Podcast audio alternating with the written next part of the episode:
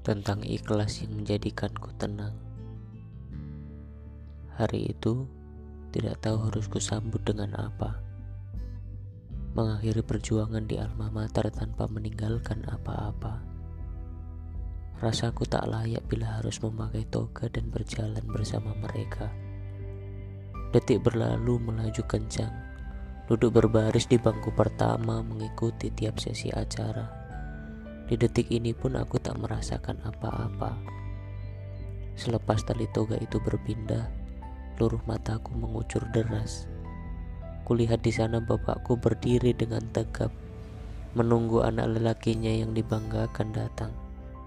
Aku berlari dengan air mata yang tak terhenti, memeluk erat, memohon maaf atas capaian yang gagal. Bapak bilang, sudah, kamu sudah menjalankan yang terbaik. Anak lelaki bapak tidak boleh cengeng. Ada banyak hal yang harus dilalui.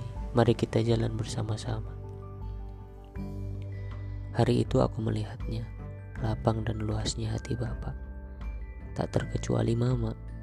Ia datang menghapus pelan setiap rintik seduh di mataku.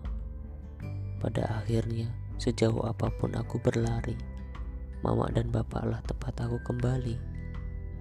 Terima kasih segala curahan kebaikan yang tak pernah berhenti datang. Terima kasih telah ikhlas dan menjadi rumah untukku pulang.